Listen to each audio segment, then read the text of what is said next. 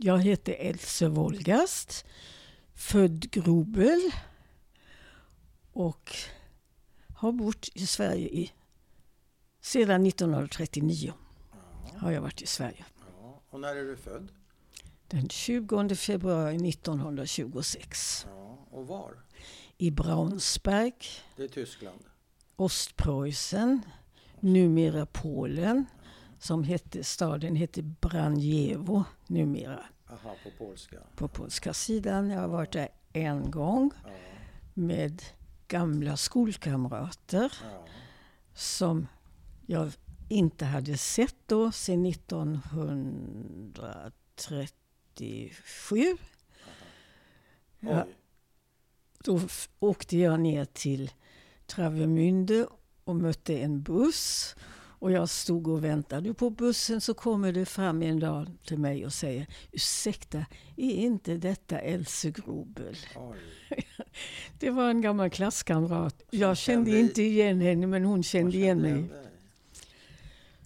Så att eh, då var jag där nere men det var sorgligt att se. För stan var ju fullständigt raserad. Ja. Ryssarna kom ju då. Så att... Och om vi är kvar kring 26. Vad hette dina föräldrar? Min pappa hette Martin Grobel. Mm. Jag vet inte när han var född. Nej.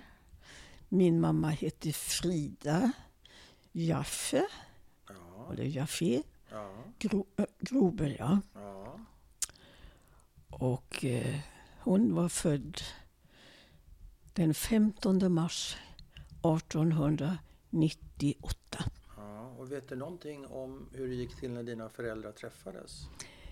Ja, min mamma bodde i Parchim, där hon är född. Ja. Och det ligger var någonstans? Det li- ligger i Mecklenburg. Ja. Och hennes pappa hade en, eh, ett, ett litet varuhus. Mm. Kläder, sängutrustning Mhm. och så vidare. Mm.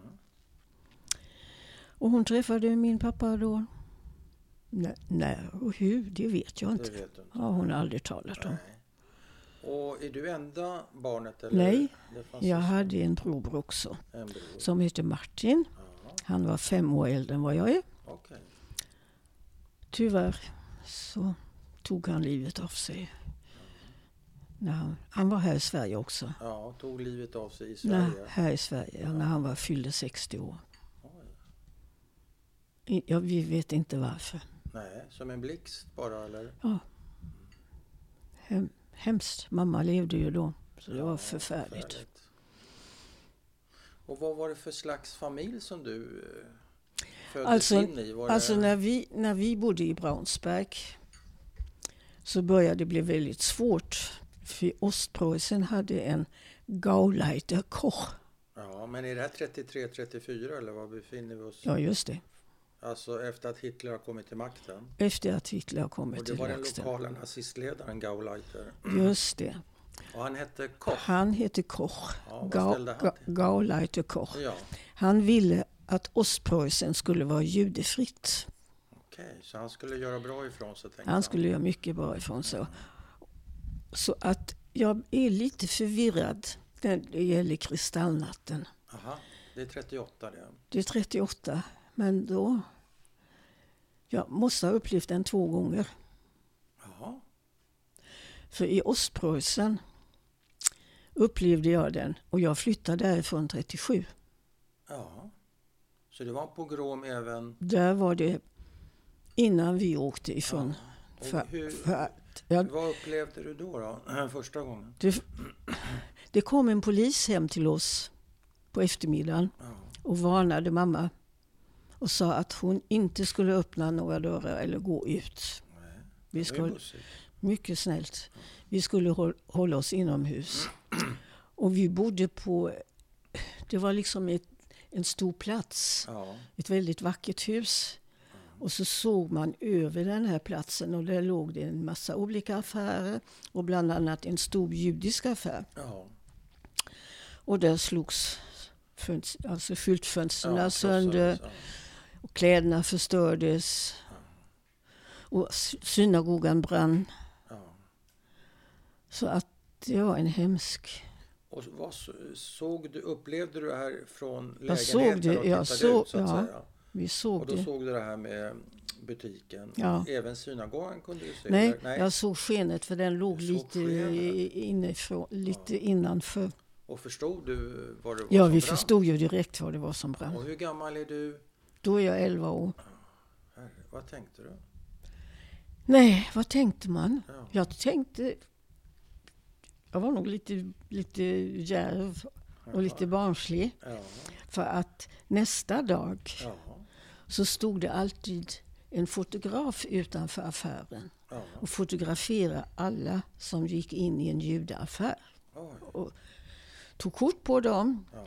och så kom det i tidningen Der Stürmer. Då så hade de såna här stora plakat och då satte de upp tidningen där. Ja, Så folk kunde gå och läsa. ja. Nej, inte alla hade tidning hemma på den nej, tiden. Nej. Och jag tyckte det var jätteroligt att springa ut och in och fram och tillbaka. För att bli fotograferad?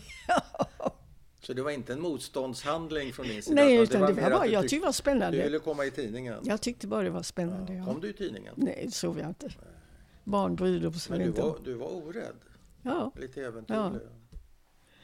Och sedan Och- var det väldigt besvärligt för att i och med att skolorna fick inte ha någon tysk flagga så länge det fanns ett barn i skolan som var judisk.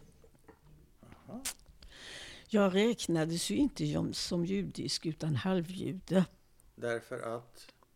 Ja, Hur, vem, var, vem var jude vem var inte jude? mamma var judinna. Mamma var judinna, född av judiska föräldrar. Ja, Och sen hade du en pappa som inte var jude. som var inte, han var kristen. Han var kristen. Han var e- evangelisk. Ja, så du, enligt Nürnberglagarna så räknas du som halvjude. Jaha. Och enligt Ja. judiska lagar på den tiden, ja. Enligt, jud, enligt ortodox judisk lag så räknas du som heljude Ja. givetvis på mödernet. Mm, Men tyskarna räknar dig som halvjude. precis. Och då fick det inte vara en nazistflagga på skolans tak Nej, om det fanns en enda... judisk. Nej, vem Ja, hade bestämt det? Gauleiter Koch. Det var hans idé. Ja, just. Han ville att Det skulle vara rent. det skulle bli rent. Så vad hände? Alla det? judiska, eh, alla människor som bodde där Ja, i Braunsberg, det var en ganska stor judisk församling. Ja, De immigrerade. de Så snart, iväg alltså? Så snart de hade råd. Ja, Och det var ju många dråpliga grejer som hände. ja, Det var en, en judisk familj som var... De hade hästar. Ja, Det var såna här hästhandlare. ja. Och jag kommer så väl ihåg, en, de hade en dotter som hette Eva Dushnitsky. Blond, vackra lockar, blåa ögon. Så när de, vi hade raslära i skolan så fick hon stå framme och representera den germaniska rasen. Ja, hon var judinna. Hon var judinna. Men hon var... Och de flyttade till Israel ja, då redan. Eller Palestina vid den Ja. Palestina. Ja. 1936 Ja, tror jag. de utvandrade. Och då kunde de göra det fortfarande? Då kunde de göra det. Ja. Så det var, det var väldigt många som försvann. Som, fly, som flyttade. Då, hur gjorde ni? Ja, vi var ju tvungna att flytta. Vi kunde ju inte bo kvar. Så man, vi var ju ensamma för pappa hade skilt sig från mamma. Och när hände det? När skiljer de sig? Jag var tre år, född 26, vad är det? Ja, redan 29 alltså? Nej, det måste varit efter 33. Han flyttade hemifrån men sedan skilde han sig. Okej. Och vad 33. var han, varför skilde de sig? Det var för att mamma var judinna. Det var hans Det var förklaring? osynk, ja. Så han kunde inte fortsätta leva med henne? Nej, Och vad blev Så- han av? han flyttade till eh, Ludwigslust. Ja. Jag tror att det är i Mecklenburg. Jag Ja. har ingen aning för jag hade ingen kontakt med honom. Okej, så, du, så Jag det var så liten så jag, Ja. jag har inget minne alls. Nej, så det är mamma och det är din bror och det är du. Och jag. Och ni måste Så- flytta? Ja, vi levde ju kvar då i Braunsberg. Ja. Och mamma öppnade ett litet pensionat. Det hade vi i vår, alltså i vår lägenhet. Ja. Hyrde mamma ut ett par rum. Ja. Och sedan hade hon middagsgäster. Hon var duktig på att laga mat. Ja, så det var pensionat och det Så- var restaurang och det var Ja, lite... och detta var alltså i tredje eller fjärde våningen. Ja. Så det var mest herrar som kom, ensamstående Ja. herrar. Vi hade många herrar som arbetade i dom- domstolen. Aha. Och sedan var det en militär som bodde hos oss. Och ja, jag minns det Blev var hon uppvaktad, mamma? Förlåt, Blev hon uppvaktad av... det vet jag inte. De Nej, det, nej det, Det vet det, jag det, jag var barn. Det, det, Ja. det fattar jag inte i så Nej. fall. Mamma var ju söt. Så att Ja. igen, hon var ju ensam. Ja, Men hon kämpade på. ja, Men det blev hårdare och hårdare. Så vi fick inte ha något hembiträde längre. Nej. Bara för min bror var ju halvjude och det kunde bli rasfällning. ja. Så då fick hon gå. Sedan fick herrarna inte lov att komma till oss längre för att mamma var judinna. Så vi hade ingenting att leva på. Nej. För pappa betalade inget underhåll. Nej. Så det var väldigt svårt. Ja. Så den Vad en... levde ni av då på slutet när det var som jobbigast? Ja du, det kan man fråga sig hur mamma fick ihop det. Det vet jag Det inte. vet du inte. Så Men att, det var inte svält? nej, Nej. Men det Och var knappt? hade, jag hade en väldigt bra väninna. Hennes föräldrar kunde ställa mjölk utanför dörren ibland. Jag, men som barn uppfattar man det inte. Jag vet bara att jag hade bett mamma om pengar till en ny blyertspenna. Ja. Och det var jobbigt. Men som sagt, Fick du den där pennan då? Eller var det ja, med? jag fick ja, den. du fick det. Hon fixade det. Ja. Och så sålde vi hemmet. Ja. Det gick på auktion. Och det var inte roligt. Nej. För jag hade en klasskamrat som jag inte var så vidare glad. Hon köpte en kudde som jag tyckte så mycket om. I, I ditt hem? Ja. Ni auktionerade ut hela tvungna. hemmet? Hela hemmet. Allt. Och hon gick, kom och köpte en kudde som du Ja. gillade? Aj. Ja, det är såna dumma grejer man kommer ihåg. Jag vet Ja. precis hur den såg ut. Ja. var, var, Var den broderad? mm. Vad, vad föreställde den då? ja, det var som små gröna kuddar. Det var alltså ett, ett handarbete och det var klippt liksom små kuddar. Ja. Ja. Och den undrade jag inte henne. Nej, det förstår Men, jag. men, men vi så- sålde allt. Ja, det som linne och matsilver och sånt, det, kunde vi ta med oss. Ja. För mamma hade fått plats i en judisk familj som hembiträde Ja. Var någonstans? i Berlin. Vi flyttade till Berlin. Men eh, du fick väl behålla dina kläder och Ja, oh, ja, mina kläder fick jag ju Och behålla. och Och några saker. leksaker Ja. också. Så Men eh, jag blev, placer- jag blev placerad i Berlin hos sin familj. jaha. Men vänta ett tag. Vilket år flyttade ni? Jag hänger inte med riktigt. 37 flyttade vi. Före kristallnatten. Det är därför du upplever den två gånger. Ja. Ja. Men, Men då upplevde jag den inte alls, för jag bodde hos en eh, protestantisk familj. ja. Men varför bor i ni Berlin. inte ihop? Mamma, Mamma, mamma jobbar som hembiträde, där kan Så man inte ha barn med sig. Nej. Och brorsan då? Han var kvar i Braunsberg för att han gick i lära. Och det är tre år och han hade ett år kvar. Och vad skulle han bli? Järnhandelsbiträde. Ja, i järnhandel. Ja. Tog det tre år att Tre lära sig? år att bli, bli man går som lärling. Ja. Och Så han du- hamnade i fängelse när vi var, hade redan flyttat. Din han, bror? min bror, ja. Varför då? Då var han 17 år. Ja. Och eh, han hade födelsedag. Och han hyrde ju ett rum hos några äldre damer. Ja. Och hade några kompisar då på födelsedagen och de har suttit och skruvat på radion. Och fått in en rysk sändare.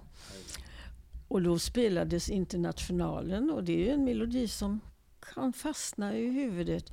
Så han gick på lagret där han jobbade och visslade den. Internationalen. Ja. Och någon hörde det. Och det var någon som hörde det. Och en timme senare var polisen där och hämtade honom. Och då satt han i fängelse, åkte han in i fängelse. Vet du hur länge? Det var några veckor. För det var det, när... För det brottet alltså? Ja, Och vad, det var, var, det var när Österrike Ja. annekterades, Ja, Anschluss. När Anschluss var, 38 det. då fick Martin, eftersom han var minderårig, Ja.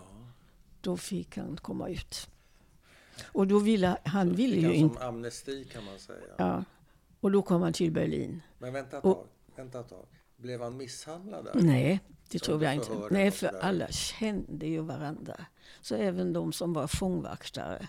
Ja, De var ju alltså snälla. hamna Ja, de kunde ingenting. Det blev eh, rättegång och det blev Det var fängelse. rättegång. Ja, Hade han någon advokat? Vet du det? Nej, det vet jag inte alls. Vi pratar aldrig om det. Och sen kommer han efter till Berlin. Sedan kom han ju med en gång när han blev frisläppt där, Ja. så kom han direkt till Berlin. Och han ville inte ut. Han, han tyckte inte om judar. Han Din var... bror? Ja, nej, han tyckte, ja, han tyckte det är bara massa besvärligheter som han har råkat ut för. Ja, på grund av sin Ja. Men då, bakgrund. då, ville han, då var det redan ordnat att jag skulle få komma ut. Och då Men vi ville backar lite. För du sa att när ni kom dit, 37, så fick mamma jobb ja, som hon hade eh, arbetat som hembiträde hembiträde hos, hos judiska familj. familjer. Och du hamnade var då? Ja, det är en sorglig historia. Ja, vill du berätta den? En morbror till mig som var skild hade en älskarinna som var kristen. Ja. Hon hade varit gift och hon var skild. ja. Och eh, det blev att hon blev med barn. Mhm. Min morbror åkte i fängelse För för rasförsäljning? rasfällning. Och hon hade redan ett barn innan Ja. Som var i min ålder. Mm. Och då tyckte väl släktingarna att då kunde jag bo hos henne. För mamma skulle ju betala för mig. Den lönen hon fick som hembiträde ja. fick hon ju betala som underhåll för mig. Ja. Men det var ingen vidare ställe. Nej. Hon var alkoholist. Ja. Och jag fick ingen mat. Eller vi fick ingen mat. Jo, vi fick mat. Vi fick råraker Ja. Tre gånger i veckan. Ja. Och ärtsoppa resten Ja. av veckan. Och det, Var hon snäll? Nja, jag vet inte. Hon sa inte mycket. Nej, men hon slog dig inte. Nej, oh, nej, det gjorde hon inte. Men jag såg alltså ut som en Bangladeshunge med en Alltså, du- stor Du mage. svullnade upp alltså? Svullnade upp utav den här maten. Ja. Så att eh, varje söndag så fick jag vara hemma hos mina släktingar och äta. Och de stod ju runt bordet och tittade på när jag åt. Ja. Och sen så fick jag mamma ordna så jag fick komma till en gynekolog. Ja. För de trodde alltså jag var med barn. Hur gammal är du då? 12. Jag såg förfärlig ut. Ja. Ja, så, kom Men- jag till, så fick jag flytta till en annan Ja, men familj. ett par frågor med anledning av det du precis har berättat. Din eh, morbror som hamnar i fängelse för rasskändningen, den så kallade. Ja, Vad dömdes han till och hur länge Han- satt han inne? han satt in, jag vet inte riktigt hur länge, men det måste ha varit, han satt nog inne något år. Och sedan så ordnade hans bröder, när han kom ut, Hans de- bröder, det vill säga Jag dina hade- morbröder? ja, de hade skaffat en biljett och papper, så han åkte till Shanghai. Ja, det var rätt många som gjorde det. Så han räddas undan på det Ja, sättet. Men han kom Var ju... han märkt av det- här året i fängelset? Eller hade Ja, han... det var han. Men att ännu mer märkt efter när han kom ut där, när han kom från Shanghai sedan. För Jaså? de blev ju också internerade där. Så det var inte så Ja, lätt? nej, det var förfärligt som han såg ut. Oj, vad han såg ut. Jaså. Usch. Hur då? Mager eller vad? Ja, han var vanställd nästan. Var han misshandlad? Han var misshandlad, ja. Oj.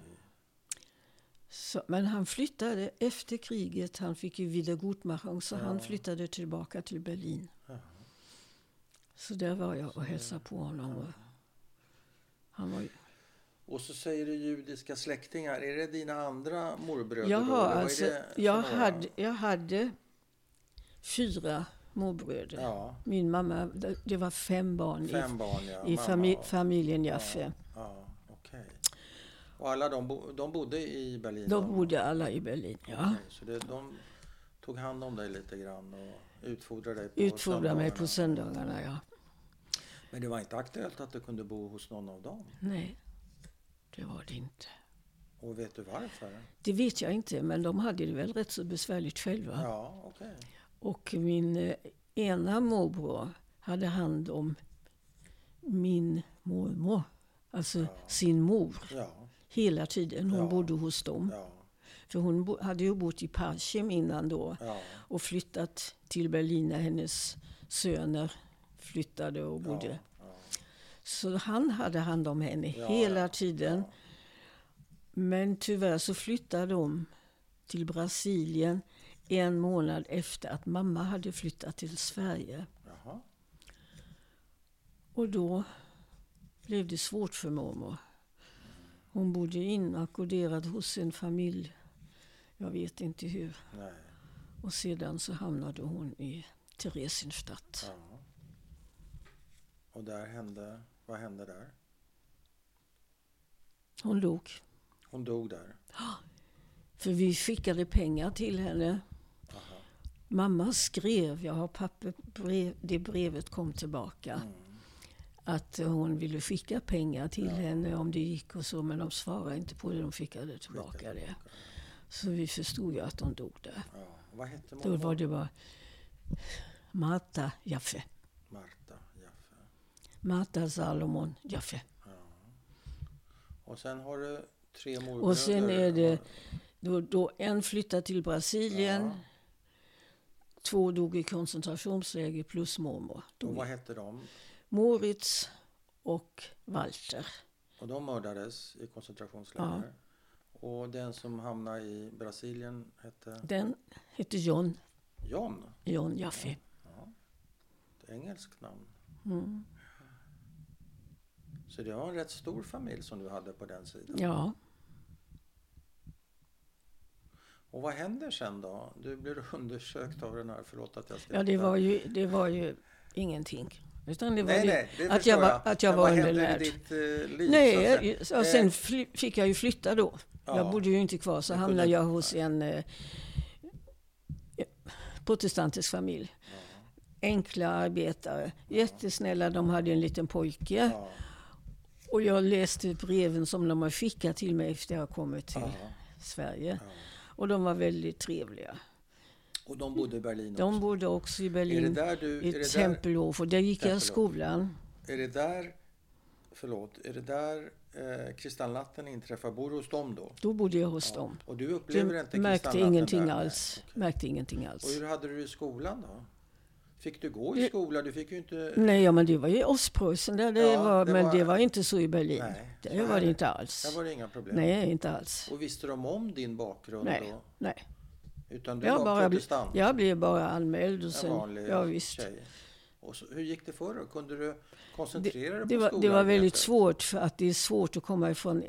Jag var i två olika skolor i Berlin. Flytta, och man hann inte, och det var ju Nej. inte länge. Nej. Jag var ju bara i Berlin i knappt två år. Ja. Så hur gick det då för dig? Ja, vet inte. Betygen var bättre i Berlin än vad de hade varit i Ostpreussen, för där var de inget vidare. Nej. Jag hade en sexa i, i matte. Vad betyder det? Det är absolut det värsta du kan få. Okej. I Berlin blev det i alla fall en trea. Jaha, Så det var, så det var åt rätt håll. ja, det var Fick du kompisar? Kunde du knyta an? nej, och, nej, Så vad, inte alls. hur fördrev du din, dina det- lediga stunder och sådär? Jag fick, Läste du eller så jag du- fick läsa Passa pojken och Ja. jag fick eh, tvätta trapporna i huset Du för fick de hjälpa var, till där de, alltså. jag fick var, du de någon, var portvakt. Fick du något betalt för det? Nej, nej, de fick betalt för att jag var där. Ja. Men du fick inget betalt? Nej, Så du, var inte, du hade inte massa lugna stunder när du kunde sitta och fantisera om nej, nej, nej, någonting? nej. Det kunde jag inte. Och Och se, och, men det var de som... En syster till den här fostermor, om man nu ska säga Ja. så, jobbade på ett engelskt konsulat Jaha. som städerska antagligen. Ja. Och hon hade fått reda på att man fick hjälp ifrån kväkarna i England Mm. som tog emot barn Mm. ur blandäktenskap, Okej. bara, bland, Mm. eller Sverige. Och jag tyckte Sverige lät väldigt spännande. Spännande. Ja. Varför då? England tyckte jag nej. Det Vad, vad var det för spännande med Sverige? Var det isbjörnarna på gatorna? Eller? Ja. Lite grann det där. Men så ansökte vi, Ja, vilka är vi? mamma, mamma naturligtvis. Och så fick vi åka till svenska konsulatet ja, som låg någonstans i närheten av Brandenburgertor. ja. Och då var det en massa barn som kom åkandes ner en ledstång. Jaha, De hade tydligen någon liten skola där, jaha, svenska barn. ja, Och de hade såna konstiga mössor på sig. jaha, Det var ballongssiden, jaha. såna som flygarna hade förr. va? som, Ja, man ja, mänka- som man knäppte som man knäppte under. här på sidan. Och det tyckte jag var så tjusigt. Så Ja, dit till Sverige ville jag gärna komma. Ja. Var du intresserad av kläder och mode och sådana där Ja, grejer? redan då. Det var? Ja. Och som sagt att eh, det var mycket skriverier, intervjuer och massa saker man skulle kunna. Och jag har alla papperna här, förstår du, det är inte klokt. Nej. Jag skulle kunna spela ett instrument Oj då, för att komma till Sverige? för att komma till Sverige. Så jag fick lära mig att spela blockflöjt, för det Ja. var det enklaste att lära sig. Ja. Vad kunde du spela då? Ja, det var nog Internationalen? eh, Hänschen klein Ja, ging allein ja. Enchen Klein Ging allein. durch den großen Wald. Ja. Ja. ja, vilka Ja. grejer. Så att eh, det blev bestämt att jag skulle få åka och det var Svenska Israelmissionen Ja, som Dr. Perno, tror jag han Ja, hette. det om du är alla vi skulle vara döpta. ni skulle vara döpt. Det var liksom mitt villkor. Ja. Och du var döpt. Jag var döpt. Och brorsan då, var han döpt? Han blev också döpt när Han han, var fem döpt. år. Ja. Innan så ville inte mamma men hon var Nej. tvungen att ge sig då. ja, Så han döpte samtidigt som jag. på grund av tiderna ja. Mm. Och vilka är det som ska få hjälp att komma till Sverige av er? Är det du och din bror Martin? Mm. Inte mamma såklart. Nej, mamma kunde inte komma ut. Nej. Och vad minns du av, av själva avskedet och, och vid stationen? Hur gick det till? Minns du det? Ja, jo då, jag minns mycket väl mamma och min mormor Ja. stod och grät. Ja. Och jag bara väntade på att tåget skulle gå. ja. Ni var inne redan i vagnen och så stod de nedanför och Mm. grät. Så de, föl, de fick följa er till vagnen? De föl- följde med, ja. Ja. Och ta fel. Och jag tycker det, nej, bara tåget ville gå. Ja. Och jag hade en, en, en ryggsäck, jag Ja. har den kvar fortfarande. Ja. Jag har den någonstans, den ligger i källaren och Ja. jag har lagt i en lapp att det var det som jag kom, Ja. kom till Sverige med. Ja. Och så två resväskor. Har du dem också? Nej, Nej. de. Och du, tänk, du hade den där ryggsäcken på dig och vad tänkte Och det du? var apelsiner, äpple Ja, och smörgås och lite sånt Och du där. ville iväg bara? Ja, jag ville bara iväg. Och brorsan, stod han jämte dig? Nej, han fick inte ledigt. Han jobbade. Han fick inte ledigt. Så han åkte inte samtidigt med dig? Nej, Okej. Jag var ensam. Och kände du någon där? Ingen av de barnen. Ingen? Nej. Och kände Främmande du någon, barn. vu- någon vuxen Ja, det var där? en dam ifrån Stockholm som på den tiden inte Fräulein Wolf Ja, som åkte fram och tillbaka med ja. barn. Men Hon- var det inte... Hon bodde alltså i Berlin. Ja, Så hon åkte tillbaka och to- tog ju också en risk. ja, Men vi åkte som feriebarn egentligen. ja. Jag att vi, Tillfälligt så att säga, Ja. officiellt. Och du var inte, kände dig inte, var du ledsen? det kändes lite, lite konstigt. Ja, det är klart. Man visste ju inte när man skulle få se mamma igen. Nej, Och vi hade ett väldigt gott förhåll- förhållande. ja, Så att och mormor, hon var ju en gammal tant Ja. tyckte jag då. Ja. Vet du, hon var, ja, hon, då var hon väl 78 år eller någonting. Ja. Och då tyckte jag ju att Det är hon var väldigt gammal. ja det var gammalt. Då tyckte jag. Nu tycker jag att de är unga. Ja. Så hur var din sinnesstämning förutom att det var konstigt? Var det spännande? Det var spännande Ja, att okej. uppleva någonting Ja. väldigt Du var, spännande. du var ju nyfiken och lite äventyrlig. Ja, och så kom vi då, det var båtresa och jag såg här i brevet som jag skrev till mamma, det första brevet. Ja. Jag var sjösjuk, jag, tycker, jag har väldigt lättfolig sjösjuk. Ja. Så jag tyckte att, åh fy Vad hemskt. Ja, det var jobbigt. Och så kom Och vi... vilken överfart, överfart är det här då? Är det SAS? Trelleborg. Trelleborg? Trelleborg, Tra- Travemünde, Travemünde, Trelleborg. ja. Eller Ystad, tra, Ystad, Travem, nej, Ystad, Travemünde tror jag det var. Ja, ja. det är en inte. rätt så relativt kort eh, Ja, överfart trots Ja. allt. Men du blir sjösjuk och det är jag inte blev så kul. Du spydde och Ja, sådär? jajamän. Oj. Och sedan kom vi till Malmö Ja. och där fick vi stiga av. Jaha. Och så stod det Röda Korssystrar Ja. och tog emot oss. Ja. Och så delades vi upp. Så vi var två flickor som ham- hamnade hos en dam Mm. I Malmö? i Malmö. Och jag skulle så gärna vilja veta var det var jag var någonstans. För det Ja. var ett väldigt vackert hem. Ja. Och fönsterna var liksom bågfönster. Ja. Ja, det var så vackert och det måste vara mitt i centrum. Och de hade ett rum med bara gymnastikredskap. Så på väggen var det en sån där. Och. Matsalen, då var det ett bord mitt i, i Ja. rummet. ja. Med en lampa över med en klocka på som man ringde efter hembiträdet. ja. Och den första frukosten i Sverige. Det blev väl en liten chock, för jag har aldrig ätit havregrynsgröt. Okej. Du visste inte Och vad det mam- var? mamma hade sagt till mig, du äter vad som kommer på bordet. Okej. Det finns ingenting som heter jag vill inte och jag Nej, kan inte. nej. Så jag svalde havregrynsgröten. Ja. Och sedan när vi hade ätit, Och pratar de tyska med dig, eller? de kunde tyska, ja de talar tyska med oss. Sen var det att gå ner till stationen igen Ja. och du träffa och alla... den, du Träffa och den alla andra flickan. För den- var två ja. där. Vi var två där och träffa de andra igen. Mm. Det var ett par pojkar och så var vi flickor. Två systrar som hette Mannheimer Mm. som tyvärr åkte tillbaka. Oj. Men eh, så kom vi till Kungsbacka. Mm. Förstår du att du ska vara här för en längre tid? Eller vad? Ja, hur det visste förstår- jag. Det fattar du? Ja, det visste jag. införstådd med? Ja, det var jag ju bestämt från början. Ja. Men tror du ändå att det är en, en tillfällig lösning och att på sikt ska du tillbaka? Nej, Du har förstått att du har lämnat din, Ja. eh, ditt Ja. hemland så att jo, säga? det, det förstod jag. Av situationen som den var där Mm. så förstod man ju att man helst inte går Skulle- tillbaka. Nej.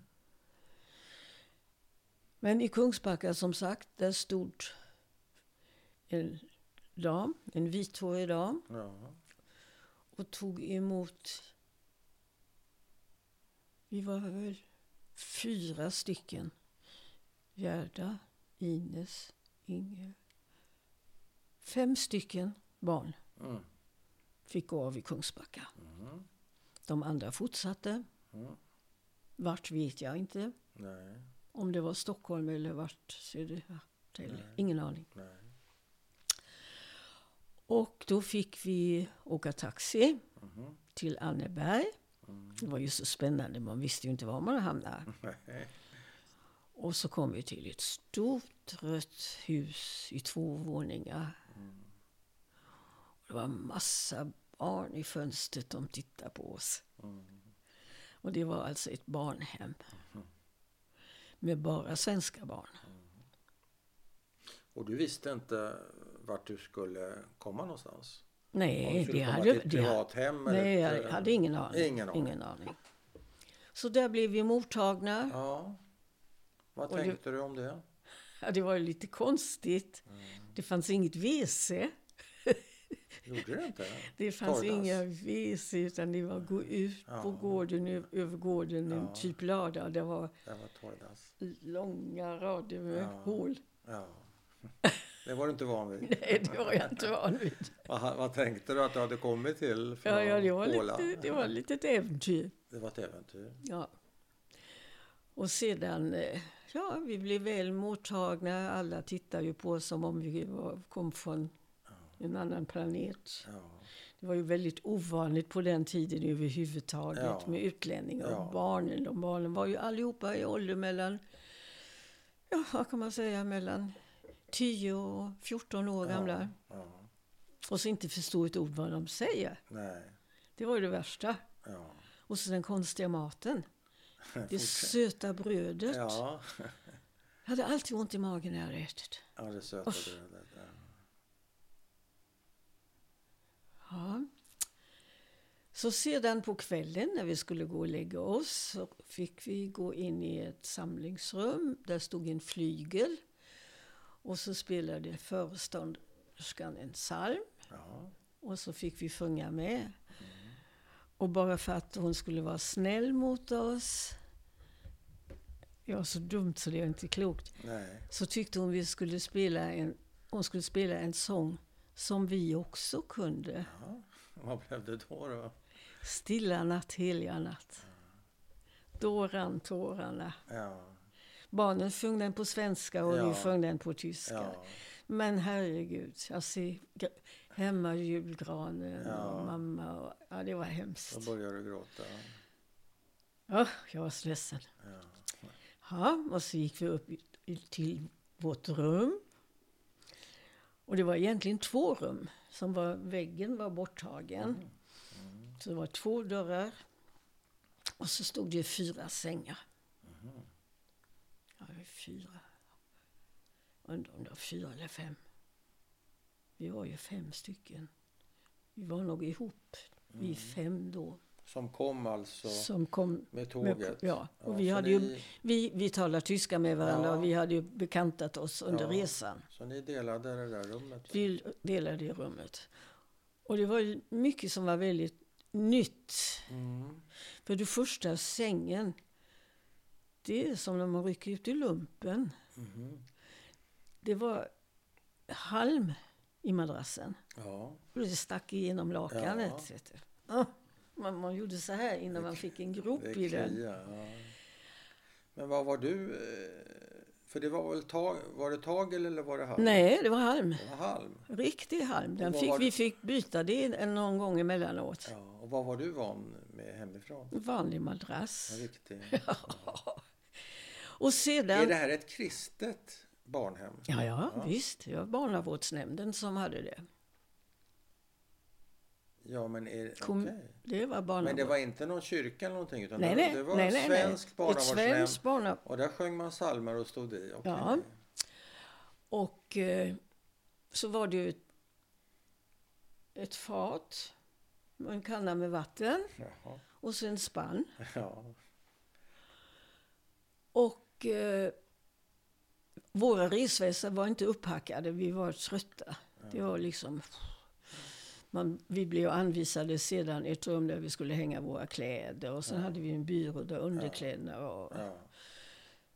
Och sedan så kom de in och sa godnatt. Jaha. Och det skulle vara tystnad då. Klockan nio. Och så vred de om ljusknappen och tog de ut den. Jaha. Så vi kunde inte tända ljuset mer. Och det var en orolig natt. Ja. För att rätt som det vet du så började det klia. Ja. Och det kliar överallt. Ah. Och jag gick upp och famlade i mörkret. Ja. Och först, först försökte jag ju gå ut, men det var ju fel dörr för den var ju låst. Ja. Så det var bara en dörr som var upp, Ja. öppningsbar. Jaha. Och så hittade jag min resväska och packade upp. Och att jag hade en tvättsvamp Mm. som jag blötte i, i vatten. Mm. Och sen gick jag runt bland de andra tjejerna vet du, och Badda då? badda, för det det så- på alla? Var alla vakna? alla. Så i ljusningen när jag tittade vet du, då kröp vägglössen på väggen. Ja, det var inte klokt. och jag tog en sån där, pressade den och den la jag i brevet till mamma. Så när hon öppnade brevet och utkröp den, eller kom den där pankan. Ja. Och då skrev mamma att det är ohyra, Ja. vägglöss. Ja. Så jag gick ner till förstånderskan och sa det. Vi, vi såg ju ut, vi var ju bitna. Oj, oj, oj. Då sa hon, nej, sa hon, ni har ätit för mycket choklad. Jaha. Men sedan så fick vi eh, svavel i konserv, då, alltså plåtburkar som vi la i och så klistrade för alla fönster och så vidare och så tändes det på. Men du vet att det var svårt att bli av med de pankorna för de kröp till nästa, nästa Ja, rum för ja, det ja. var brädväggar. Ja. Och de satt överallt. De var överallt. Så när jag senare en gång åkte hälsa på mamma i Göteborg, hon bodde hos en, hon var hembiträde där. Och när jag öppnade resväskan där vet du, så kröp det ut en panka ur min resväska. Så att det var. Och där var jag ett och ett halvt år På hemmet? på hemmet, ja. Ja, med lössen. Med löss, löss och panker. Ja. Ja, Vad löss, är en panka? det är en vägglöss. Ja, Den kallas på göteborgska säger vi panka. ja det är okej. Och sen blev det vägglöss. Ja. Eller sen blev det hårlöss Ja. också.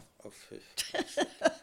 De det kliar bara Då, du säger- då satt vi och kammade varandra med de där kammarna och knäckte de här Ja, fy fasiken. nötterna. Usch, ja, fy. Så när du kom hem till mamma så, Så fick fick hon det mig- en sån där Ja, eh, Då fick hon mig till apoteket. Ja. Och jag fick köpa Sabadillättika. Ja, och jag skämdes så Ja. för jag tänkte nu vet de att det är jag som ska ha Ja, det. just det. Så Vi fick väldigt bra mat på barnhemmet. Ingenting att klaga på. nej. Och vi tyska barn hade det väl bättre än de svenska barnen. Alltså varför då? De blev vä- väldigt hårt hållna. Ja, och inte ni? Jo då, också. Alla brev som jag fick censurerades. De öppnades och lästes innan jag fick dem. Ja då. Och allt som jag fick fick jag inte klistra igen förrän hon hade läst vad vi hade skrivit. Oj. Det var en hushållsskola också. Så att bygdens flickor fick lära sig att laga mat där. Ja, okej. Så varje dag så på en stor svart tavla stod det vad vi skulle äta. Och så fick vi lära oss att laga mat. Har rätt... Men hade du hemlängtan eller trivdes du rätt så bra? Eller vad? Du säger att mamma var i Göteborg. När kommer hon till Sverige förresten? Hon kom i augusti. När, eh, efter... Jag kom i mars. Okej, så det är rätt så tätt inpå. Mindre än ett halvår. Ja, sen, sen, gick ju, sen började ju kriget då, första Ja, september. Ja. Och sen träffas ni någon gång då och då. Kommer hon och hälsa på? Hon fick inte komma mer än... På min födelsedag blev hon inte insläppt året, alltså när jag fyllde 14. Ja. Men mamma hade... Förlåt, vad sa du nu? Ja, hon blev inte insläppt för det var inte besökstid. Och hon kom då med tåget ifrån. Göteborg. Men hon var inte ensam. Hon hade med sig en svensk flicka som en av mina vänner hade sällskap med. Och hon hade skinn på näsan. Så att jag fick Hon- lov att träffa henne. Ja, Fick du gå ut då istället? Mm. Ja. Vad grymt. Ja. Barnhem är inte alltid Alltså, något speciellt roligt. nej. Hur vill du sammanfatta den här tiden då? För det, hur blev det för dig tycker du? Egentligen var den bra för att som, jag hade ju aldrig någon syster. Nej. Jag tyckte det var väldigt roligt. Det var ju många kompisar man fick. Ja. Hur lång tid tar det för dig att, hjälpligt lära dig svenska skulle du säga? Går det på ett halvår? Eller? Ja, Och sen kunde du snacka med de andra? ja, oh, ja det gick ganska fort. Ja, det gick Ja, det gick ganska snabbt. Så du fick kompisar där? Ja bland de svenska? Många. Många? Har, hade du lätt för att få vänner? Ja. Vad, var, jag- vad var trixet?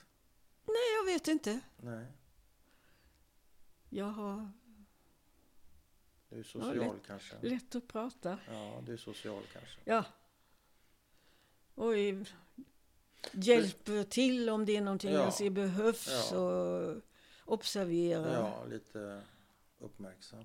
Så det, du, det här blev ett, en rätt så bra period, trots allt? Trots allt. Trots lössen och trots gick, ja då. allting? Och vi gick ju i skolan. Första de första veckorna då fick vi gå väldigt långt. Ja. Ifrån Anneberg till Kungsbacka. Jaha. Och det är en bra väg. Och då byggdes den, på den tiden, den nya motorvägen. Ja. Det var sån här betong Ja. som de byggde. Så de höll på att bygga den då. Och det var en fruktansvärt kall vinter, Mm. 39. Jaha. Och jag hade inte kläder som var lämpliga Nej. att gå långmarscher. Jaha. För att eh, Hur gick det då? jag frös. Ja. Vi frös och vi slog kullerbytta på, på motorvägen därför det låg halm för att det inte skulle to- betongen skulle torka så fort. Aha. Och det var ju fullt med möss. Ja. Så de sprang ju när vi Aha. gick där och skulle slog kullerbyte. Man lekte ju hela tiden. Det var ju För att hålla värmen? för att hålla värmen, ja. Och sedan förstod ju inte vad, vad ma- magistern sa. Nej. Det var ju jättesvårt. Ja. Och han var väl inte speciellt duktig på tyskan Nej. heller. Sen fick vi byta skola och börja en som var närmare. ja. Och det var en liten skola med en lärare och en klass. Som hade varannan dag yngre och varannan dag de andra. Vi fick gå alla, vi fick gå alla dagar eftersom vi bara skulle lära oss Ja, språket. Och när han läste mitt betyg då. Det var ju så att under Hitlertiden fick man inte använda utländska ord i tyskan. Så allting blev ju tyskt. Förtyskat. ja. Så gymnastik hette Leibesübung. Trottoar, Bürgersteig, portmonnä, Geldbörse. Allt. Allt skulle vara Allt på tyska. var. Och det där Leibesübung, Ja. det var jag befriad ifrån. Jaha. För att jag hade kronisk reumatisk värk sen jag var i sjuårsåldern. Oj. Så jag låg på sanatorium i Tyskland. Mm. Och han vände på det där EI. Ja. Så det blev Liebesübung. Jag var befriad ifrån Liebesübung. ja. Kärleksövning, Ja. eller? Ja. Oj, det ämnet hade han aldrig haft i sin skola. Nej. Nej, jag trivdes bra i Anneberg. Ja. Men hade du en... eh, Saknar du din mamma? Eller var du, Det är klart jag Du saknar mamma. det? Ja. Och din bror också, eller mest mamma? ja, jag saknar min bror. Ja. För han kom då månaden efter. Ja. Och då kom han till Frillesås, till Ja. en bonde. Ja. Jag var 13, Martin var 18. Mm. Så han blev dräng ja. och fick det väldigt bra. Han fick En det bra? un, en underbar familj. Han Ja. kom med. Bonden var 28 år gammal. Oj. Han lånade min bror motorcykel. Min bror behövde inte gå upp. Han kunde sova. Han fick kaffe på sängen varje morgon. Oj, oj, oj, oj. För mamma, som han sa, den gamla Ja. bondmoren, Ja. hon tyckte om Martin och Ja. han behövde inte jobba. Han hjälpte till i alla fall. Ja. Och jag, när jag fick lov på hemmet Ja. så fick jag åka dit och hälsa på. Så jag var hos honom någon vecka Ja. och kom ifrån då. Det var ju jätteroligt. För där fanns flera andra tyska ungdomar. Okej. Mm. Så vad händer? Hur tar den här perioden slut och vad, kom, vad händer härnäst? Så att Ja, säga? efter det. Mamma jobbade ju. Mm. Hon hade fått ett arbete redan när hon var i Sverige. Mm. Hos en kamrer. Som hembiträde Mm. på Gibraltargatan. Så hon tog väl... Först tog vi emot henne i Frillesås. Och då stannade hon ett par dagar och sedan så följde vi med henne till Göteborg så hon fick till, komma till sitt jobb. Mm. Och då fick hon ju en jungfrukammare. Mm. Och där var hon väl, jag vet inte, ett halvår kanske. Mhm. Men det var inte bra. Nej. Hon fick dåligt med mat, väldigt dåligt med mat. Så frun i huset åkte bort och då skulle mamma sköta om herr Karlgren. Ja. Och då fick hon ju matpengar så hon fick köpa mat och då lagade hon ju jättefin mat och han Ja. var jättenöjd och tyckte detta var skönt. Ja. Frun sa till mamma när hon sa att hon var hungrig så sa hon, Fint folk äter inte mat. Eller lite mat. Det är bara arbetare som äter. Jaha. Men hon var ju arbetare å andra sidan. Mamma var ju arbetare, ja. Men det Så det var räknades, inte helt logiskt. det räknades inte. Nej. Men sen fick mamma ett väldigt bra jobb Ja.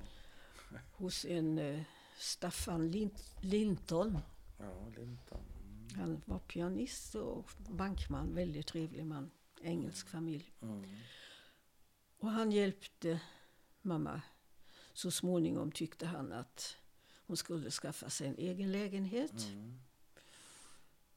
Och då gick mamma på lägenhets... Hon hade ju inte så stor lön. Nej. Så hon ville ju inte ha någon dyr lägenhet. Nej. Så hon hittade en billig lägenhet. I Och- Göteborg? I Göteborg. Också med dass på gården. Jaha. Och inget varmvatten och man Nej. fick elda med kaminen. Ja. Men i alla fall, det var ett, rö- ett vardagsrum Ja. och ett kök. Ja. Punkt slut. Mm. Och så ville hon ju att jag skulle komma hem. Mm. Men genom att barnavårdsnämnden hade hand om det här egentligen Mm. så ville de undersöka mamma först om hon var kapabel att ta hand om mig. Mm. Och det kändes ju förfärligt för mamma. Mm. Men jag fick ju komma hem. Det, hon blev godkänd. Ja, Ja. och då var det några bekanta. Mamma hade fått en väldigt trevlig svensk familj. Fina personer. Som skaffade mig ett arbete som hembiträde. Ja. Eller hemhjälp. Ja. Haustochter. ja, husdotter, inte Ja, just husfru. det. Så ja, jag är, hjälper till med Ja. lite utav varje. Ja. Lär mig att laga mat. En underbar familj. Verkligen helt underbara. Mm.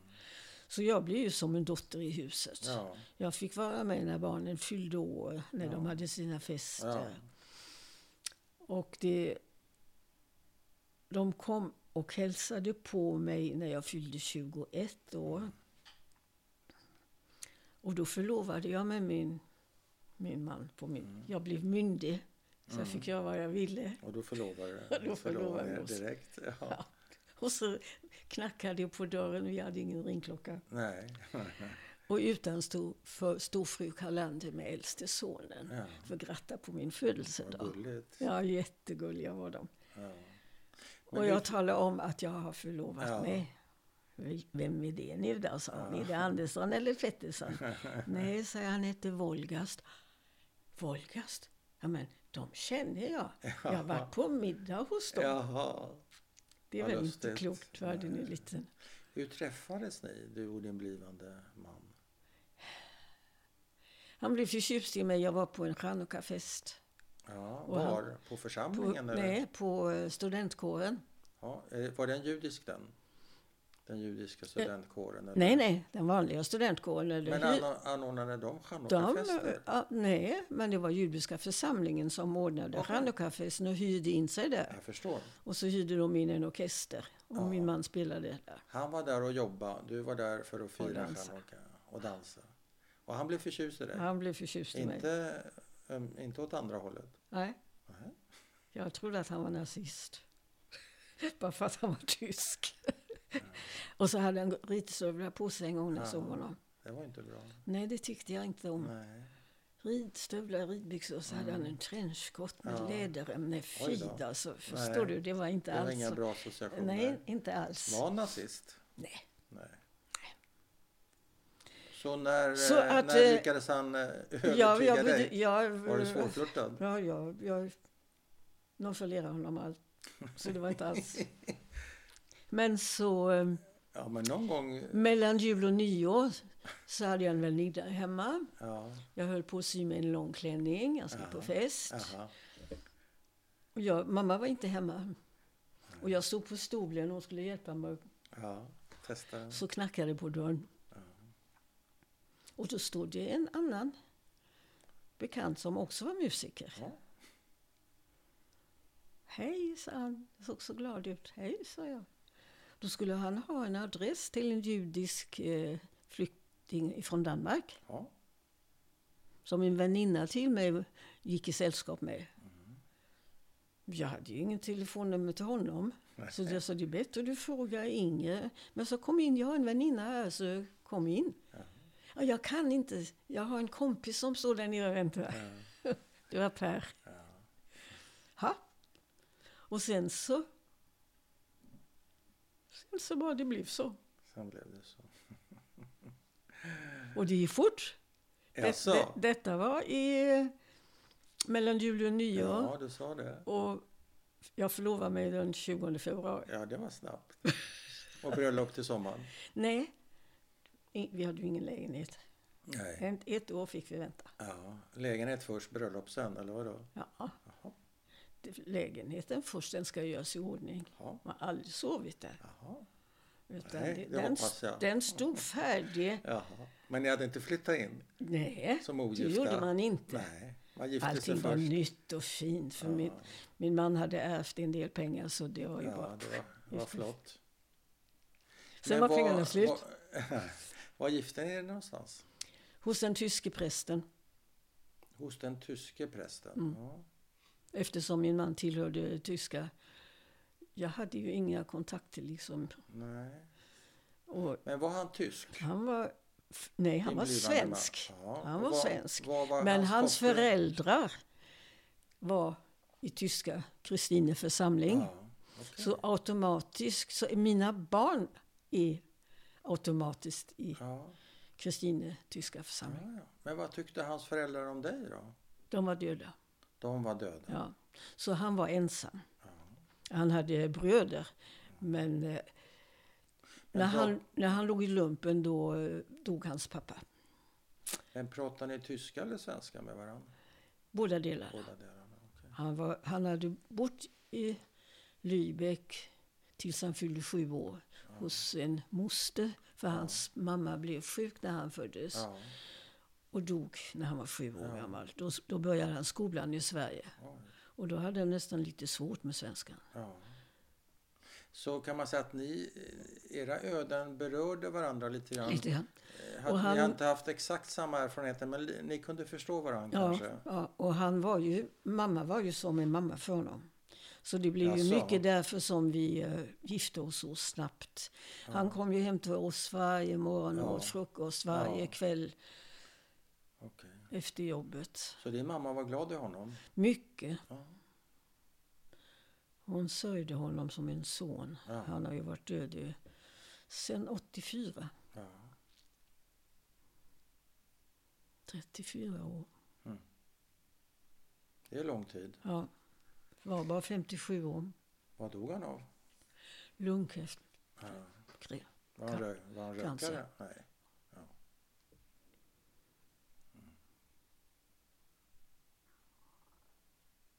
Ja, Men... vad var eh, vi sedan? jo, Ja, och så jag började jag, tänkte- arbeta hos Ja. eh, familjen. Jag tänkte sticka emellan med en fråga, nämligen hur du minns freden. För att vi, vi börjar väl närma oss kanske 45, eller vad är vi i tid nu? Är, jag- är, jag för, är, det, för, Det, det är för tidigt. det är för tidigt? Ja. Okej, vi sparar det så. Ja, Du börjar jobba där ja. jag började jobba där, i Örgryte Mm. och bodde i Annedal. Det är ganska långt. ja Örgryte är en fin eh, förort, va? Mycket fint. Mycket fint. Ja. Och det Överklass, ligger, eh, ja, ligger ganska långt ifrån Annedal. Ja, Jag hade fem kronor i veckan. ja. Och de tyckte jag var lite slösaktig som åkte spårvagn. ja. Hur skulle du göra då? Gå, Cykla? gå. Gå tyckte du? Vad tar det en Jag timme? hade ingen cykel då. Nej, det är lyx. Det fick jag så småningom. Ja. Min bror köpte en gammal Ja. cykel och Ja. målade den. Ja. Men som sagt, jag brukar åka en väg på morgonen och sen kunde det hända att jag gick hem. Inte tog, alltid. Vad tog det då? En timme? Ja. Det var långt. Förbi, långt. förbi Liseberg och Götaplatsen.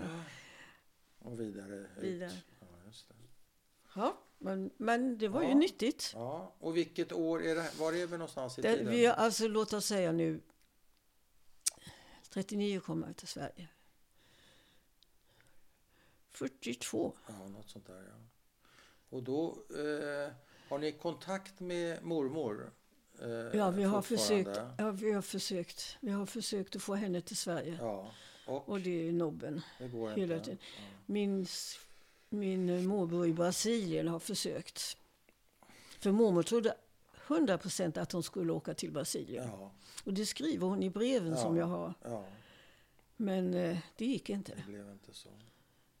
Och är det några andra i Berlin som ni fortfarande har kontakt med? Släktingar? Ja, Mm.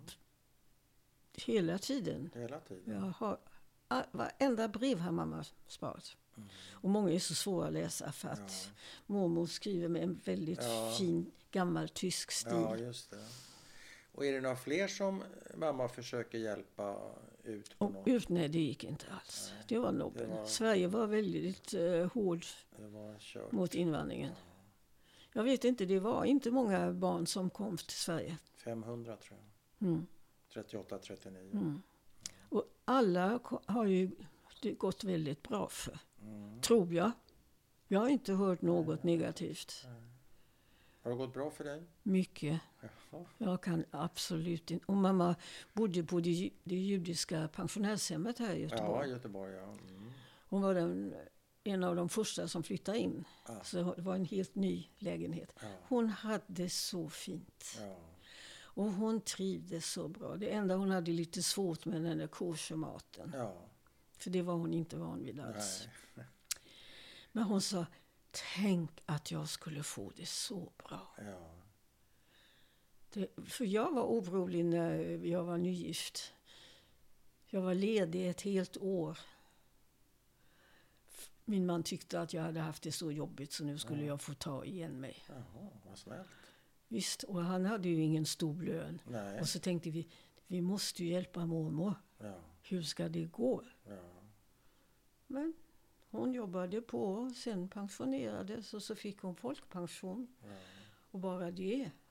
Och så fick hon en pension från Tyskland genom vänner, väninnor, skolkamrater jag hade som var på besök. Ja. De visste ju att mamma hade haft en pension, Ja. en pensions, Ja. ett pensionat. ja.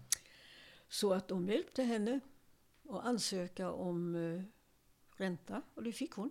Efter kriget eller vad pratar vi om nu? Ja, alltså, Förstås. hon fick det då, hon var rätt så gammal när hon var, hon fick retroaktivt Ja, vissa ja, år och så fick hon Ja. 200 D-mark. ja. Det är tufft. Ja. Så det var hon jättelycklig för. Hon trodde ju att hon hade fått mer pension. Ja, ja. Men det drogs av för folkpensionen.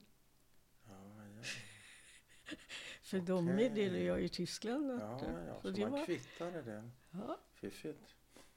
Men de pengarna tog vi aldrig hem utan vi lät dem stå i Kiel. Ja. För innan de var här så var hälften borta Ja, ja, ja. i omkostnader för olika Växlings- banker. Ja, ja, precis. Så att då sa jag att vi öppnar ett konto i Kiel. Ja, Och varje gång som eh, jag eller Per är där nere så kan vi ta ut det ja när hon det. behöver. Ja, ja. Så gjorde vi. ja, det var ju bra. Men hur är det med din identitet idag om jag skulle fråga dig vad du är? Vad är du för en? Är Svensk. Du, du Jag är är svensk? svensk. Absolut. Punkt. Punkt. Ja, du är inte svensk judinna eller svensk någonting annat eller? Nej. Jag, jag är nog mest svensk. Ja, Du vet, jag har för lite erfarenhet ifrån judendomen. Jag Ja. har ju goda vänner, Lisa Garners ja, kusin Lillemor Davin. ja. Känner du henne? Ja. Ja. Genom Lillemor, när min man dog, så var Lillemor otroligt snäll. ja, För de var kunder hos oss. Okej. För de höll på, höll på med klockor. Ja, Och då har hon bjudit mig på alla judiska helgdagar. ja, Så jag fick ju uppleva ja, judendomen på det viset. ja, Jag var visserligen med mamma i synagogan när det var helger. ja. Men annars så visste jag ingenting. Nej, och det blev... Jag vet inte om det är nödvändigt att veta, men du har varit som en besökare inom det judiska, men det har aldrig blivit en del av din identitet. Nej, just Kan man det. säga så? Så kan man nog säga.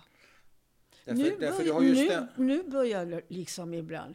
Jag tänkte just, jag har en mezuzah någonstans. Ja, Och jag, den, vid, vid dörrposten där som man ja, sätter den, upp. har ja. legat, den ja. har legat på det bordet. Ja, det kan man ju ha. Men nu är den borta.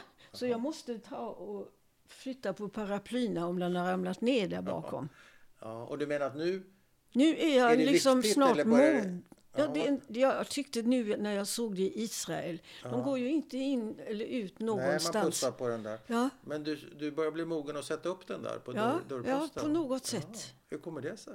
Jag vet inte, för jag går inte till kyrkan Nej, och inte till synagogan heller kanske? och inte till synagogan. Nej, det behöver man inte göra. Man behöver inte vara religiös. och jag, jag Man satt, kan ju vara det ena eller det andra utan att... Nej.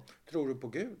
Nej, Det behöver man inte göra för att vara jude. jag, jag, jag, jag satt på flyget till Israel Ja. och hade jämte mig ett ungt par som hade med sig en 20 stycken andra som skulle åka på någon Jaha. sån där.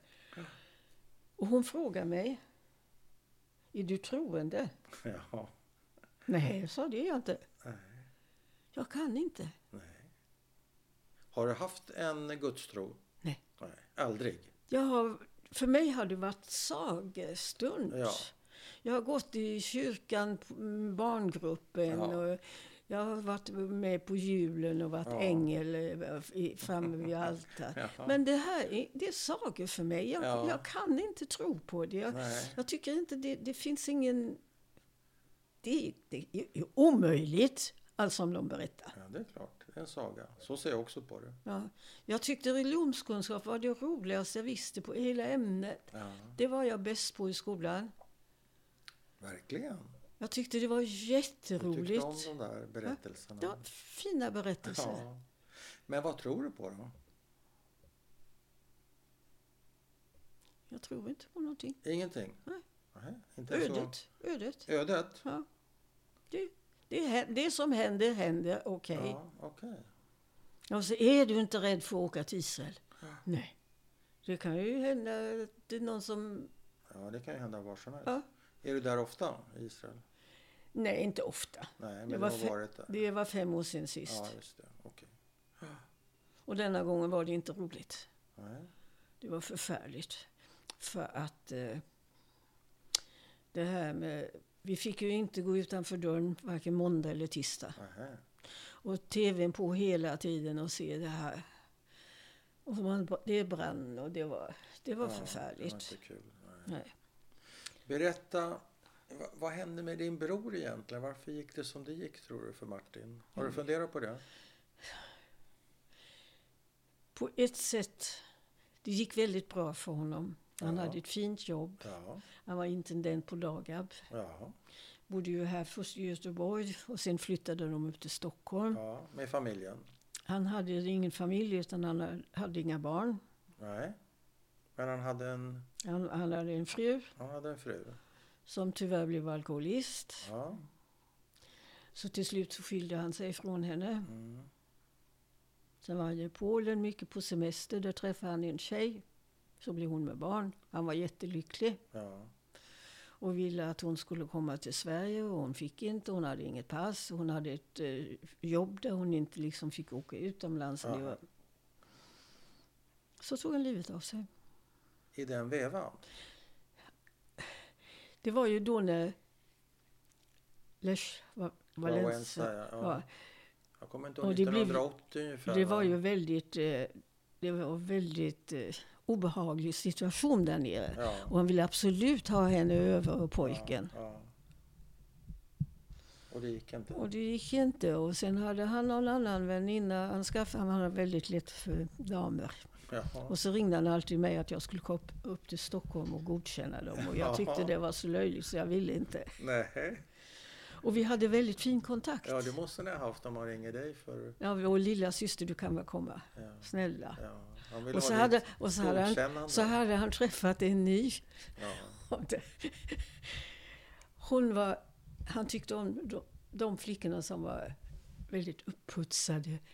Mycket smink och Ja. nagellack och Ja, sådär. ja, väldigt fina. Men nu hade han träffat en.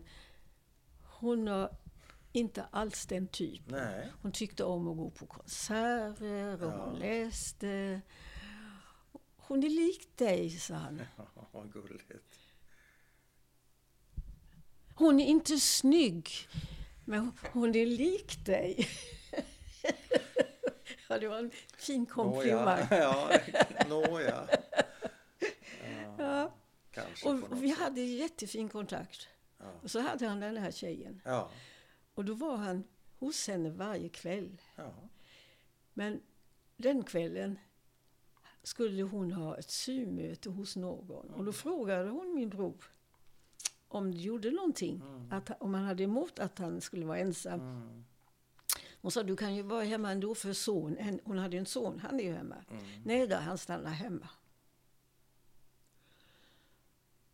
Och de hade ordnat att de skulle åka till Åsele. Han hade en god vän som hade ett motell där. Mm. Ja, jo då. Och han hade ju kylskåpet fullt med godis och grejer han skulle ha med sig till Åsele. Mm. Han hade beställt en kostym hos Ströms. Ja. Och sitter hemma hos sig och läser en bok. Och tänt ljuset. Och så ringer han en- den här före detta som han hade haft. Ja. Han, han hade liksom inte släppt henne. Nej. Och hon ville inte prata med honom. Nej. och la på. Och sen gick det några timmar så ringde han igen Till henne. till henne. Och så säger han, nu dör jag. Och då blir hon ju rädd. Det var väl vid tolvtiden på natten. Och då säger hon, sätt fingrarna i halsen. Och så hör hon ju att han ramlar ner. Mhm. Inte hör någonting mer. Så hon fick ta på sig att springa ut och ringa till polisen. Ifrån någon, det var ingen mobil på den tiden. Nej, nej. Och när de kom eh, dit, de tog sig in via balkongen, Ja, då, så låg han, var död i hallen. Han hade precis fyllt 60. Ja. Han tyckte väl att... Han var rädd för att gå i pension. Mm. Han hade ingen hobby mer än damer. Det kan vara, Och jag sa det till honom- en heltidssyssla i och för Jag sig. sa till honom, Martin, det finns så mycket man kan göra. Du kan gå till sjukhus och hälsa på sådana som inte får besök. Och du kan sitta och läsa för någon. Det Ja. Jag har jobbat inom kvinnojouren genom Ja. Lillemor. Jag har Ja. också alltid, jag hjälper ett par polska tjejer nu. Och alltid är det någonting man finns att kan... göra, ja. ja. Men han hade inte den Nej, utblicken kanske. nej, han hade inte det. Och sedan har han alltid haft lite mindervärdighetskomplex för att han inte kunde skriva svenska. Ja, ja. Han gick ju aldrig någon skola. Nej. Och överhuvudtaget, han, han bröt lite grann. Ja. Han kunde säga att det är sorgligt. Det låter som en väldigt fin kille men men kanske Ja. med lite skör självkänsla på Ja. något vis. Han sa alltid, nu superbilen kommer. Jaha, vad var, var det hans fel? Superbilen, superbilen. Vad var det? Superbilen. Superbilen? Var det sopbilen där? Ja. Har du haft några sådana eh, fantasier, tankar någon gång om att ta livet av dig som din bror? Skulle du kunna, eh, har du tänkt tanken Alltså, ens? jag Om jag bara- får vara lite Jag vill ab- personlig. absolut inte bli så dålig. Nej, okej. Då har jag, alltså då Det är någonting jag- annat. Jag nej. tänker bakåt under hela din resa. Du har ju varit med om så himla mycket med och motgångar och kastats i tillvaron. Nej, egentligen inte. Nej. Men det är inte främmande, kan jag inte säga. Nej. Jag ska bara tala om för dig, då när jag var hembiträde eller hem... Ja. Så, Hem, så, eh, så, hemdotter. ja, då slutade jag där för jag tyckte det var bedrövligt Ja. med fem kronor i Ja. Så fick jag jobb genom advokat Mannheimer. Ja. Känd advokat här i stan. Ja. Ja, fick jag, det var en judisk familj. Mm. Arbete hos Ferdinand Lundqvist hette det på den tiden. Turitz. Mm. Numera är det ju NK som har övertagit det hela. HG Turitz. Så att då fick jag gå dit med mamma Ja. och presentera mig. Ja. Och då fick jag arbete i verkstaden på den elektriska avdelningen. Ja. Så jag blev lite händig. Ja. Laga lampor. och- Ja. El. Ja, så att eh, jag är ganska duktig på om det är något Så elfel. kan Så du fixa det. strickan eller vad det nu är. Ja. Och där hade jag 20 kronor i veckan. Oj, det var skillnad. Ja, det var skillnad. 22 var det till och med. Det var något tillägg för Mm. åldern. Och där var jag ganska... Ja, där var jag ett bra tag. Sen hade jag ju planer att komma vidare. Så blev det ASEA. Mhm. Och där spaltade jag glimmer Och vad är det? Glimmer, det är en bergart Ja. som spaltades i tunna tunna. Det finns i brödrostar till exempel Ja, som isolering. Okej. Det var under kriget då. Det behövdes isoleringsmaterial. Med en väldigt vass kniv. Nästan rakbladsaktig. Och Det det, inte lätt att skära sig. ja, alltså, den, den var fuktig. Den kom ifrån Gäddede uppe i. Norrland tror jag det var. Ja. Och det finns glimmer här i Göteborg också, eh, i Högsbo. Och det satt jag och kä- jobbar man på ackord. Så där kunde jag komma upp i 40 kronor i veckan. Oj, wow. Ja, så det tjänar jag lite snabbt. bättre. Så det Ja. blev nya kläder och lite av varje. Mamma fick ju alltid hushållspengar också. Ja, Till och med på mina fem kronor så lämnade jag hushållspengar. ja. okej. Och sedan fick jag ett stipendium ifrån Stockholm. Det måste varit kyrkan. Och min dröm var att få börja på slöjdföreningen. Jag har lite... Ja, jag vill teckna och jag vill... Mm, du är kreativ eller Ja. konstnärlig eller vad man säger. Och då fick jag gå och titta i skolan där.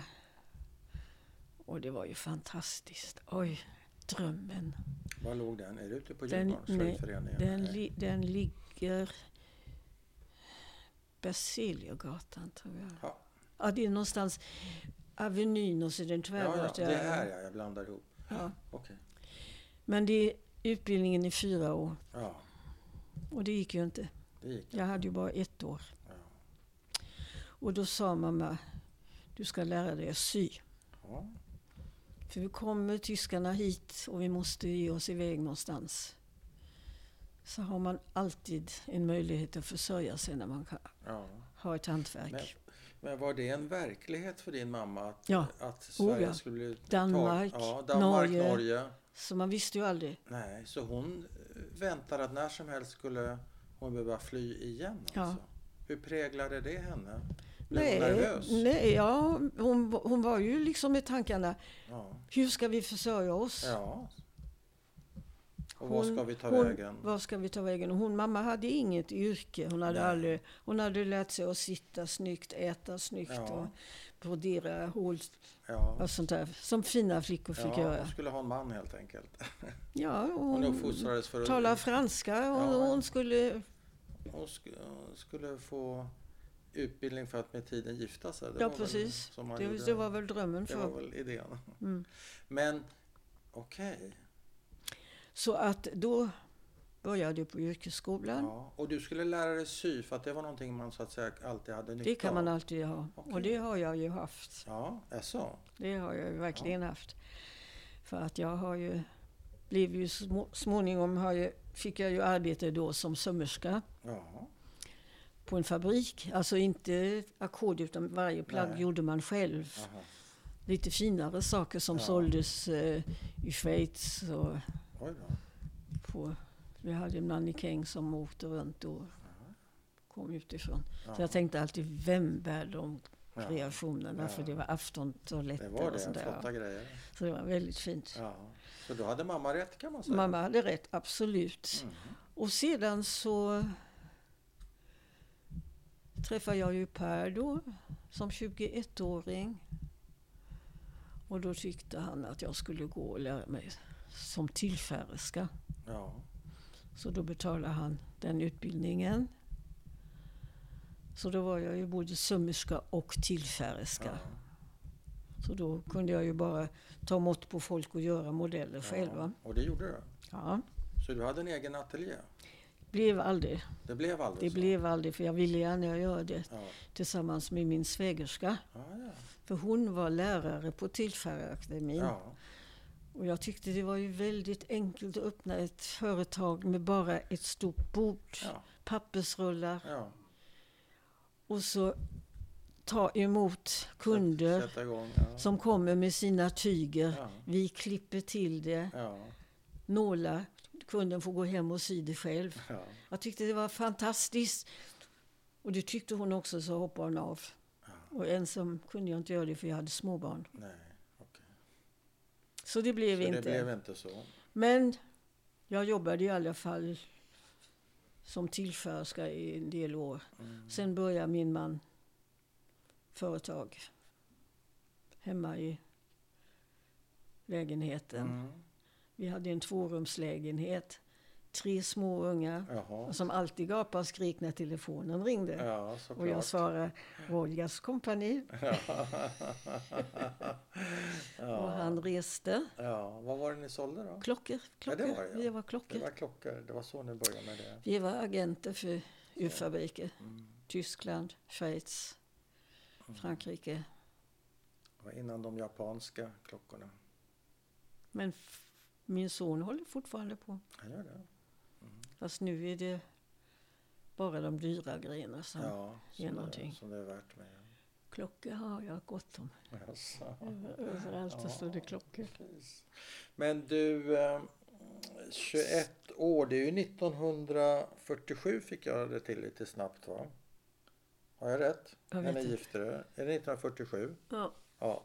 Då vill jag komma tillbaka till min eh, fråga för en halvtimme sedan, nämligen hur minns du fredsdagen 1945 är det? Minns du den? ja då. Då gick jag på yrkesskolan. Mm. Och de hade skickat mig in till Kungsgatan för jag skulle köpa knappar. Eller det var någonting Mm. de behövde. Och det var ett liv. Herregud. Mm. Det var papperskorgar som tömdes uppifrån andra, tredje våningen. Ja. Och sen så när skolan var slut så åkte vi till Liseberg, klasskamraterna. Ja. Och vi åkte karusell och vi knödde in oss i en liten bil, där, du vet, så där barnkarusell. ja, just Ja, det. det var fantastiskt. Ja, det var... Och det var underbart. Herregud vad man var glad. Oj, Och mamma då? Vad sa hon? det Vad vet, uttryckte hon? det vet jag inte. Det vet inte du? Nej, Du var inte hemma då? det vet För- jag helt enkelt inte. Nej. Jag vet bara att... Den här oron som hon mycket rimligt uttryckte eh, att vi måste fly om Hitler tar Sverige. Försvann den automatiskt i, i, i och Jag med vet inte. fredsdagen? Jag- Eller levde den nej, jag kvar vet i henne? inte. Nej. För mamma hade det ju ganska jobbigt. För det första var hon ju inte så duktig i svenskan. Nej. För hon var ju i 40-årsåldern när hon kom till Sverige. att lära. Ja. Och så bara som hembiträde. Ja. Man lär sig ju ingenting. Nej. Och det värsta var att hon kom inte in i Nej. judiska, judiska församlingen. Varför inte då? Det var någonting som man, katten hade släpat in som man Hon säger. alltså? Hon ja. Hon accepterades inte av Göteborgsjudarna? Nej. Är det så? ja. Var det en klassfråga tror du? Ja, ja, för det första det, men för det första att hon hade en kristen dotter. Oj! Hon hade varit gift med en kristen. Det var Oj. ju det, ja nej. Men hon du var, ingen, du var ingen kristen dotter, du var en judisk Ja men dotter det, för det, det var... Det, det, De betraktar inte er som kosher alltså? nej. Oj. Men, Så hon det, hade överhuvudtaget Så inga judiska... in- Nej, men tror du inte det var en klassfråga också? jag vet inte. Nej. Jag vet inte. Så hon lärde att- inte känna några eh, Nej. judiska... Och hon var ju... Var hon intresserad av det? Jag vet inte. Det är klart, hon kände sig väldigt utanför. Ja. Det var väldigt synd om henne. Ja. Förfärligt synd. Ja. Jag, jag kände ju inte det så alls då. Det var Nej. naturligt. Det var jobba, jobba, Ja, jobba. Och se till att man har mat i huset och kan köpa kläder. Men så Min- var det inte för mamma riktigt. Nej, nej, nej.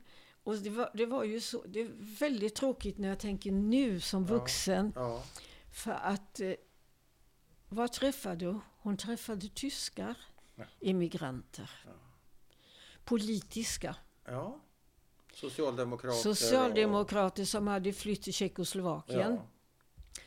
Och som när Tjeckoslovakien då Ja, blev, blev ockuperat. ockuperat så flydde de till Ja, Sverige och fortsatte till Norge. Ja. Ja. Och det var Willy Brandt. Ja. Och det var en massa som senare blev kända. Ja, som De, hon, de, hängde hon med. de kom mamma in i. Ja, hon trivdes i, i det Ja, sällskapet. de pratar tyska, de lagar tysk Ja. mat. Hade lika jävligt som vi, Ing, Ja. inga pengar. Men var hon politiskt intresserad, mamma? Inte. Nej.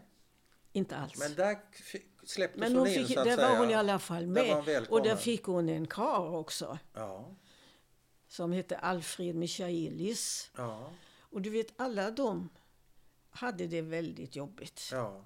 För de var ju skolade, intelligenta. Alfred Michaelis han satt på biblioteket i källaren och höll på och fick ordna med böcker. I, I Göteborg? I Göteborg, ja, ja. ja. Så arkivjobb. Ja, De fick ju ofta sådana jobb, ja. det är klart. Var han olycklig? jag vet inte. Nej. Ja, det vet jag inte. Men lärde du känna honom? Jajamän. Han Ja. bodde ju ihop Ja. med mamma och mig då i den där Ja, ettan okej. ett tag. Men sedan, Hur gick det då? han var en förfärlig rökare. Han rökte så hemskt. Så han var han- intellektuell va? Ja, han, hade, han tog sedan, fanns det en lägenhet i huset mot gatan. Alltså samma hus, ja, Albogatan nummer ja. fem, men i, i bottenvåning. Och hela, det var ing, inget stort rum, det var möblerat med bara böcker. Ja. Och det var brunt på väggarna för han rökte alltså, hela tiden. Och då där lärde jag mig att röka en cigarett som heter Kam, en sita. Jaha, av honom? Åh, det smakar illa. Man tog av halva munstycket och tryckte ner det. Ja. Jag försökte lära mig att Ja, vara hur gick det då? Fick du någon... Och där, ja, så småningom så blev det ju att man fortsatte. Men det var, ju, fortsatte? det var ju ransonering på Ja. den tiden. Jag hade inget kort. Så det gick inte. Men de fick en, en fin tid tillsammans? De fick en fin tid tillsammans. Men han, sedan när freden kom så flyttade han tillbaka till Tyskland. Ja. Till Greifswald. Mm. Så de, gift, de gifte sig aldrig? Nej. Och det var aldrig aktuellt för mamma att, att följa med? Nej. Nej. Hade ju barnen här. Ja, hade barnen här. Hur skulle du säga att, kanske en omöjlig fråga, men hur skulle du säga att du har formats av dina erfarenheter? Har du funderat på det? Nej. Hur det har blivit? Jag, jag har fått det den du har bra. blivit? Jag har fått det bra. Du har fått det bra. Jag har fått tre fina Är pojkar. du inte en grubblande sort? Nej, Nej, fast jag heter Grobel. Det räcker. Du Grobel. gillar inte att grubbla? Nej. Nej, det är kanske lika så bra. Ifrån ämnet jag berättade om min bror. Ja. När min bror dog, då fick jag ett telegram ifrån Polen. Mm. Då var hon i Ystad och väntade på att jag skulle hämta henne. Oj. Mm. Eh, flickvännen och med barnet Mm. som inte kunde komma ut hade då kommit ut? Tydligen har hon fått reda på att Martin var död genom Ja. kommunen eller staten eller hur, för han betalar väl ett underhåll för pojken. ja. Så då, Så dök hon upp, okej. Vad tyckte du om henne då? mycket snygg. Det var ju bara snygga flickor Martin var ute Ja. Väldigt vänlig, väldigt trevlig. Ja. Hade du godkänt, godkänt henne? Nej, det hade jag inte. Det var, han skulle bara ha. Ja. Det var ju därför hon kom. Hon var lycksökare. Ja, Eller hon försökte se om sitt hus kan, det skulle är man klart. kunna säga. Vilket Precis. är ett, ett snällare sätt att säga det på. ja. Aha, så hon kom för att se vad, vad hon hade rätt Så till? vi fick, ju- hon bodde hos mig Ja. och hon lovade min mamma guld och gröna skogar Ja. och hon skulle ta hand om min mamma. Och ja. Sen åkte vi till Stockholm och då han fick se min brors lägenhet så höll jag ögonen på att trilla i huvudet på henne. Ja. Men så det är inte hans lägenhet. Nej. Han hyr den. Det är en hyreslägenhet. Så Ja. där var ju ingenting att hämta. Nej. Och min bror hade ett testamente att hans frånskilda hustru Mm. skulle ärva allt. Det hade de gjort gemensamt redan Mm. innan skilsmässan. Ja, Men det gällde och det fortfarande. hade de inte ändrat. Så det, Det hade de gällde- inte ändrat. Nej, så hon fick ingenting? Så att, nej, inte där. Men hon fick, eller hennes son Mm. fick min brors grupplivförsäkring som de tar genom jobbet. Mm. Den fick han. Mm. Och det var 160 000, det var mycket Det är pengar. mycket pengar. Och speciellt i Polen, Ja, kan du tänka dig. det var mycket pengar. Men eh, han fick inte ut den förrän han fyllde 18 år. Nej, okej. Och det är okej. Men räntan fick hon lov att få ut. Okej. Men när min mamma skulle fylla 100 år så ringer hon väldigt upprört. Och säger det. Martin har fått barn. Jag tänkte nu börjar hon bli snurrig. Vem har sagt det? Ja, det var någon som ringde. Nej, mamma, det missförstod du. Och jag tänkte, ja gud, vet du, jag får fortfarande hjärtklappningen när jag tänker på det. Jaha. Så att jag eh, ringde väl, tog reda på. Ja. Och då fanns det en Martin Gruber. Jaha. Och det är sonen Det är sonen. som har tagit namnet. Ja. Och han hade fått barn. Han hade fått barn tydligen. Och vem hade ringt och berättat det för? Det måste vara hans mamma. Ja. Men jag, jag fattar inte, får man lov att ta ett namn sådär utan vidare? ja, det får du väl. Ja, får du väl göra. Får väl kalla ditt barn vad du vill. I USA har de ju den där principen att det är romerskt etta, romersk tvåa, romersk trea. Mhm. Men hur man, det vet jag inte. Jag hade en kompis som hette Bure Holmbäck i gymnasiet. Hans pappa var någon eh, docent i litteratur eller vad han var för någonting. Och han hette Bure Holmbäck. Och farfar hette Bure Holmbäck. Men det är klart, det hade man väl bestämt inom familjen som ett släkt. Mm. Det ville man skulle gå vidare. Ja. Men eh, tycker du, vad ska jag säga, eh, tycker du att det är olämpligt? Ja, Ja, jag tycker inte det är riktigt. du tycker inte Och det är rätt? sen har han ändrat det. Nu kallar han sig för Grubel med två prickar över. Ja, Men barnen heter Grubel. jaha. Har de fler barn? Två barn har han. Ja, har du träffat dem? Nej, Nej, vill du det? nej. Varför ska jag göra det? Nej. Pojken, alltså nu denna Martin Ja, Grubel. ja. Har ju, Din, din brors son, Son. helt enkelt. han har ju bott hemma hos mig. Ja. Han har varit med mig uppe i Stockholm Mm. i Martins lägenhet. Mm. Jag var med dem hos advokaten. Mm. Så menar han vet att det finns en faster. Mm. Varför tar de inte kontakt med mig? Nej. Jag förstår vad du menar. Och när Och min... det har de inte gjort? Nej, Nej. inte någon Nej. gång. Nej. Jag fick ett oförskämt brev utav eh, henne genom en advokat. Att jag hade begärt att få tillbaka de pengarna jag hade lagt ut för henne. Ja. För jag la ut tågresa från Ja, ja. Ystad till Göteborg, och, eller till Stockholm Ja. och sedan från Stockholm fram och tillbaka. Hon tycker att jag har så gott om, om det så det, det tyckte hon att det var oförskämt av mig. Ja, ja, det kan man ju tycka. Det, det har ju har inget med saken att göra. Nej, så att jag, jag, jag har frågat mina pojkar, för det är ju en kusin till dem i, Ja, i så fall. Ja, just det. Men de är inte intresserade heller. Nej.